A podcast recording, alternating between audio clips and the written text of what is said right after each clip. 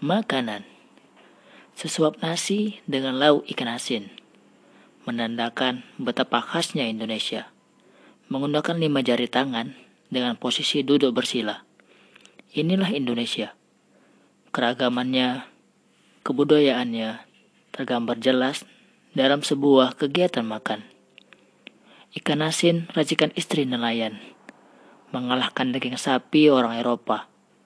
Aromanya yang begitu nikmat menggiurkan setiap orang yang lapar. Makanlah ikan asin, produk asli nelayan pribumi.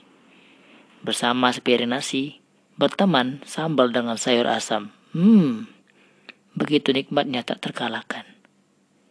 Inilah makananku, makanan orang Indonesia. Walaupun dari sebuah desa, tapi menggiurkan orang kota.